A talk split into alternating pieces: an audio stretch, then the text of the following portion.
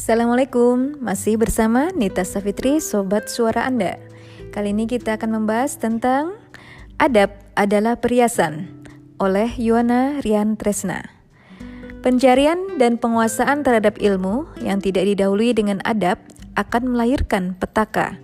Masalah terbesar bagi para pelajar dan ahli ilmu yang miskin adab adalah hilangnya keberkahan, munculnya kesombongan, dan lalai dari amanah mengemban ilmu.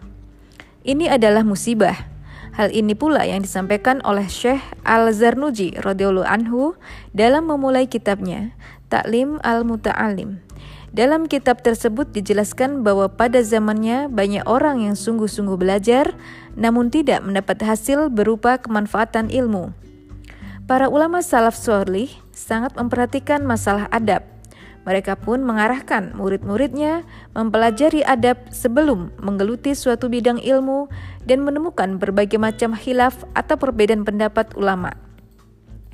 Imam Darul Hijrah, Imam Malik bin Anas radhiyallahu anhu pernah menyatakan kepada seorang pemuda Quraisy, "Wahai putra saudaraku, pelajarilah adab sebelum kamu belajar ilmu."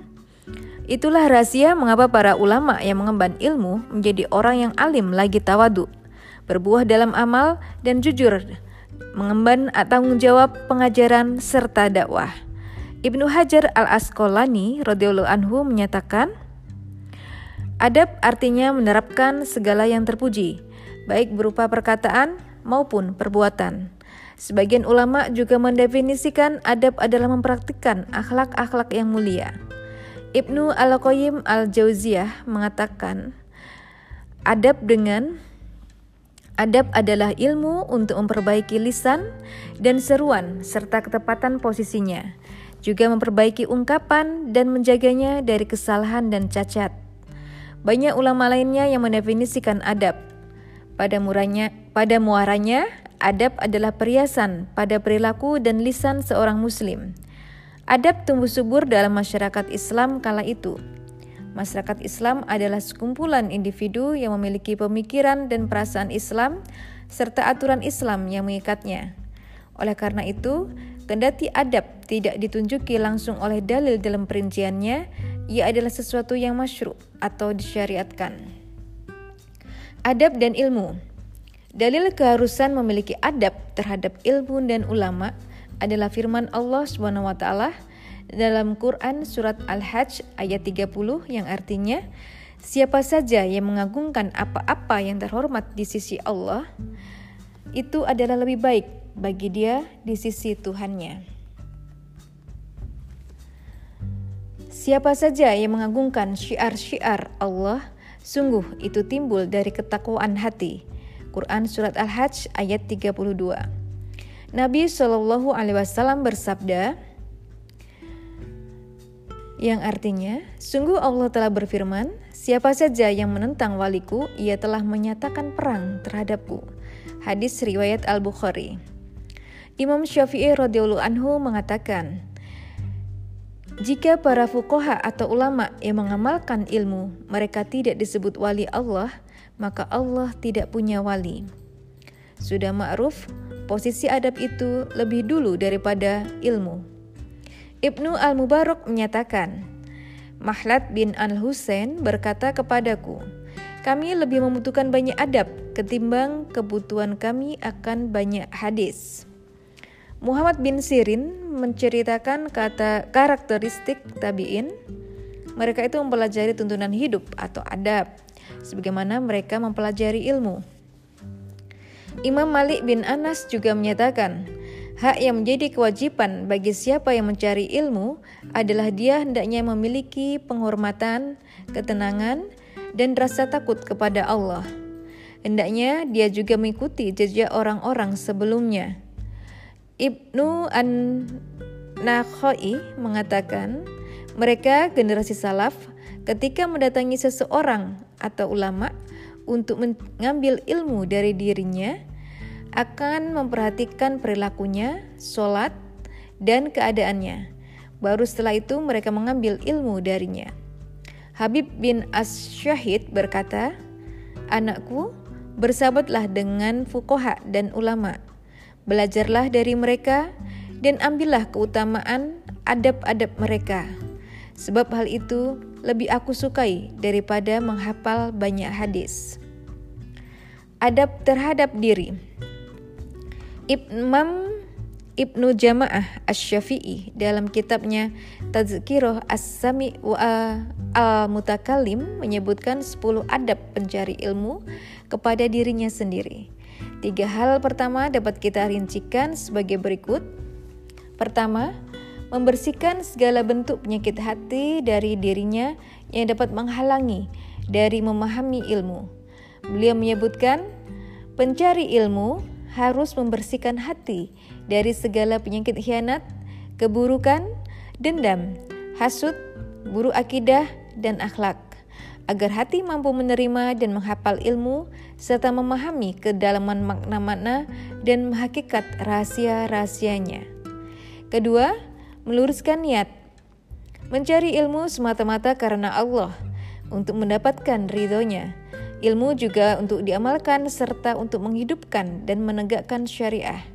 Dengan hidup dan tegaknya syariah, keberkahan ilmu akan terwujud secara kolektif. Beliau menjelaskan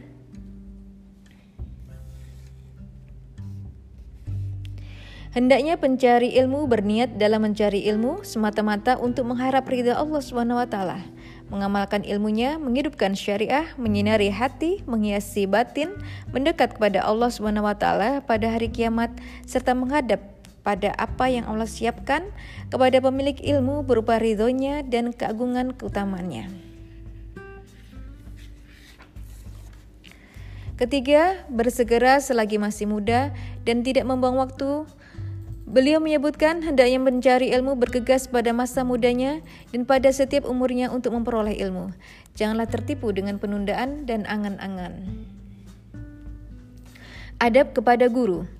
Dasar adab kepada guru adalah firman Allah Subhanahu wa taala terkait pendidikan adab Nabi Khidir kepada Musa alaihissalam sebagai berikut di dalam surat Quran Al-Kahfi ayat 66 yang artinya Musa berkata kepada Khidir, Bolehkah aku mengikutimu agar kamu mengajari aku ilmu yang benar di antara ilmu-ilmu yang telah diajarkan kepadamu? Imam Ibnu Jamaah menyebutkan ada 13 adab yang harus diperhatikan secara seksama oleh pencari ilmu. Tiga di antaranya adalah pertama, mengikuti segala wasiat guru. Karena ketundukannya kepada guru adalah kebaikan dan kemuliaan. Beliau menjelaskan, pencari ilmu hendaknya taat kepada gurunya dalam segala urusan dan tidak keluar dari pendapat dan pengaturan gurunya. Bahkan ia bersama gurunya seperti pasien di hadapan seorang dokter yang terampil. Ia bermusyawarah tentang apa yang ia maksud dan memilih yang terbaik atas keridoannya. Hendaknya ia maksimal dalam menghormati guru dalam bentuk takarub kepada Allah dengan berkhidmat kepadanya. Ia mengetahui bahwa kehinaannya di hadapan gurunya itu merupakan kemuliaan. Kedudukannya kepada gurunya merupakan kebanggaan dan ketawaduannya kepada gurunya itu merupakan keluhuran. Kedua, memuliakan guru dan menjaga kehormatannya dengan penuh keikhlasan. Dikatakan, pencari ilmu hendaknya melihat gurunya dengan pandangan penuh kehormatan dan percaya kepada gurunya dengan derajat kesempurnaan karena hal itu lebih mendekatkan dirinya pada nilai manfaat. Sebagian salaf terbiasa jika menghadap kepada gurunya, ia bersedekah dan berdoa, Ya Allah, tutuplah aib guruku dariku, dan janganlah hilangkan keberkahan ilmunya dariku. Ketiga, mengetahui keutamaan gurunya dan menjaga haknya. Karena hal ini bagian dari pintu keberkahan. Dikatakan, pencari ilmu hendaknya mengetahui hak gurunya dan tidak melupakan keutamaannya. Syubah berkata, jika aku mendengar hadis dari seseorang, maka aku menjadi budaknya selama hidupnya. Adab terhadap ilmu Imam Ibnu Jamaah juga menjelaskan 13 hal yang merupakan adab pencari ilmu terhadap ilmu yang dipelajari. Tiga hal di antaranya adalah sebagai berikut. Pertama, memulai belajar dari Al-Quran, menghafalkan dan memahaminya. Beliau menyebutkan, hendaknya mencari ilmu mengawali dengan kitab Allah yang mulia. Kemudian ia menguatkan hafalannya dan bersungguh-sungguh memahami tafsirnya dan seluruh ilmu-ilmunya. Sebab hal itu adalah pokok segala ilmu, sumber segala ilmu, dan ilmu yang paling penting. Kedua, belajar secara bertahap, mulai dari yang ringkas sampai yang luas. Berusaha mengamalkan ilmu yang diperoleh, dan pada awal belajar tidak menyibukkan diri dalam medan perbedaan pendapat. Dikatakan, Hendaknya dia berhati-hati dalam permulaan belajarnya dari kesibukan mempelajari ikhtilaf para ulama dalam akal atau pendengaran, sebab hal itu akan membingungkan pikiran dan akalnya. Akan tetapi, mula-mula hendaklah ia memahami satu kitab dalam satu bidang ilmu atau beberapa kitab dalam berbagai bidang, jika memungkinkan dalam satu metode yang direstui gurunya. Ketiga, setelah menghafal dan memahami Al-Quran, bergegas mendengar periwayatan dan mempelajari hadis. Sebab hadis adalah salah satu sayap bagi seorang alim selain sayap lainnya yakni Al-Quran. Beliau melanjutkan, hendaknya pencari ilmu bergegas untuk mendengar hadis. Jangan lalai untuk terlalu sibuk Jangan lalai untuk selalu sibuk mempelajari hadis, ilmu-ilmunya, memperhatikan sanat-sanatnya, rawi-rawinya, makna-maknanya, hukum-hukumnya, faidah-faidahnya, bahasanya, dan sejarahnya. Amanah mengemban ilmu. Ilmu adalah amanah. Ia harus diwujudkan dalam amal dan penyebaran dakwah. Belajar ilmu tidak boleh ditujukan untuk kepentingan dunia. Dari Abu Hurairah radhiyallahu anhu, Rasulullah shallallahu alaihi wasallam bersabda, Siapa saja yang mempelajari suatu ilmu atau belajar agama yang seharusnya yang diharap adalah wajah Allah, tetapi ia mempelajarinya hanya untuk mencari harta dunia, maka dia tidak akan mendapatkan wangi surga pada hari kiamat. Hadis riwayat Abu Dawud, Ibnu Majah, dan Ahmad. Pada diri pencari ilmu harus berkumpul tiga hal sekaligus, ilmu, amal, dan ikhlas. Sahal bin Abdullah al-Tusari menerangkan, dunia ini seluruhnya adalah kebodohan dan kematian, kecuali ilmu yang berada di dalamnya. Ilmu pun seluruhnya hanya akan menjadi penghujat kepada seluruh makhluk kecuali yang mengamalkannya. Amal pun seluruhnya hanya akan terhambur sia-sia kecuali yang dilandasi keikhlasan. Keikhlasan adalah perkara besar yang tidak dapat diketahui kecuali hanya oleh Allah taala sehingga keikhlasan itu dibawa sampai mati. Terakhir, selain sebuah amal, ilmu juga harus disebarkan dalam pengajaran dan dakwah. Pencari ilmu dan ahli ilmu yang benar cara memperolehnya tidak mungkin berdusta dengan apa yang dipelajari seperti mencampur adukan hak dan batil atau menyembunyikan kebenaran. Intelektual muslim yang memanipulasi atau menyembunyikan kewajiban berhukum pada hukum-hukum Allah, menerapkan seluruh syariahnya, dan menegakkan khilafah adalah mereka yang tidak jujur dengan apa yang dia pelajari. Seorang ahli hikmah menyatakan, Menyembunyikan ilmu adalah kehancuran, sedangkan menyembunyikan amal adalah keselamatan. Penutup, Demikianlah adab sebagai perhiasan dalam lisan dan perilaku. Kita berlindung kepada Allah Subhanahu wa taala dari sifat yang digambarkan oleh Imam Al-Munawi saat menjelaskan hadis terkait sifat orang munafik. Maksudnya yaitu orang yang banyak ilmu di lidahnya tetapi bodoh hati dan amalnya. Ia menjadikan ilmu sebagai profesi yang dengan itu ia mencari makan. Ia berpenampilan penuh wibawa untuk menarik perhatian orang. Ia mengajak orang lain kepada Allah tetapi ia sendiri lari dari Allah. Ia mencela aib orang lain lalu melakukan perbuatan yang lebih buruk darinya.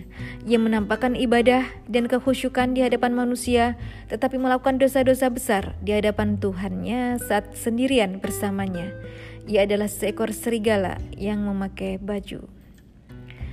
Penulis adalah Mudir Mahat Darul Hadis Khadimus Sunnah Bandung.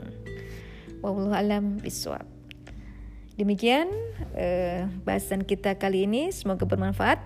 Wassalamualaikum warahmatullahi wabarakatuh.